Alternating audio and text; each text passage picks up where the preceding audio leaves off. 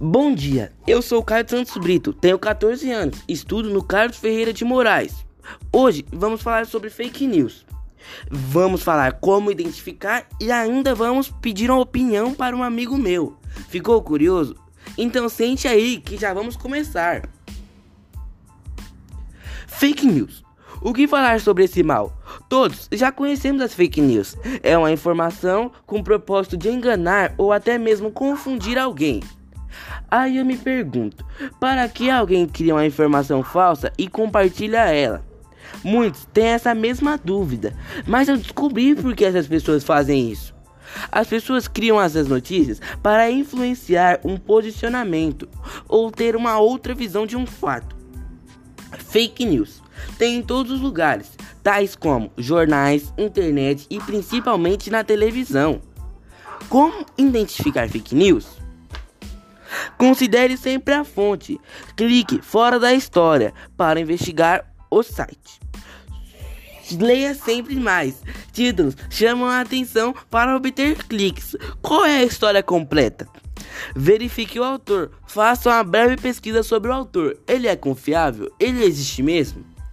Fonte de apoio. Clique nos links. Verifique se a informação oferece apoio à história. Verifique a data. Compartilhar notícias falsas, notícias antigas, não significa que sejam relevantes atualmente. É preconceito? Avalie se, se seus valores próprios e crenças podem afetar seu julgamento. Consulte especialistas, pergunte a um bibliotecário ou consulte um site de verificação gratuito. Eu conversei com um amigo para saber a opinião dele sobre fake news. Bom dia, Vinícius. O que você acha de fake news? Bom dia, Caio. Tudo bem? Na minha opinião, o pior não são as pessoas criarem as fake news, mas óbvio, é um grande problema.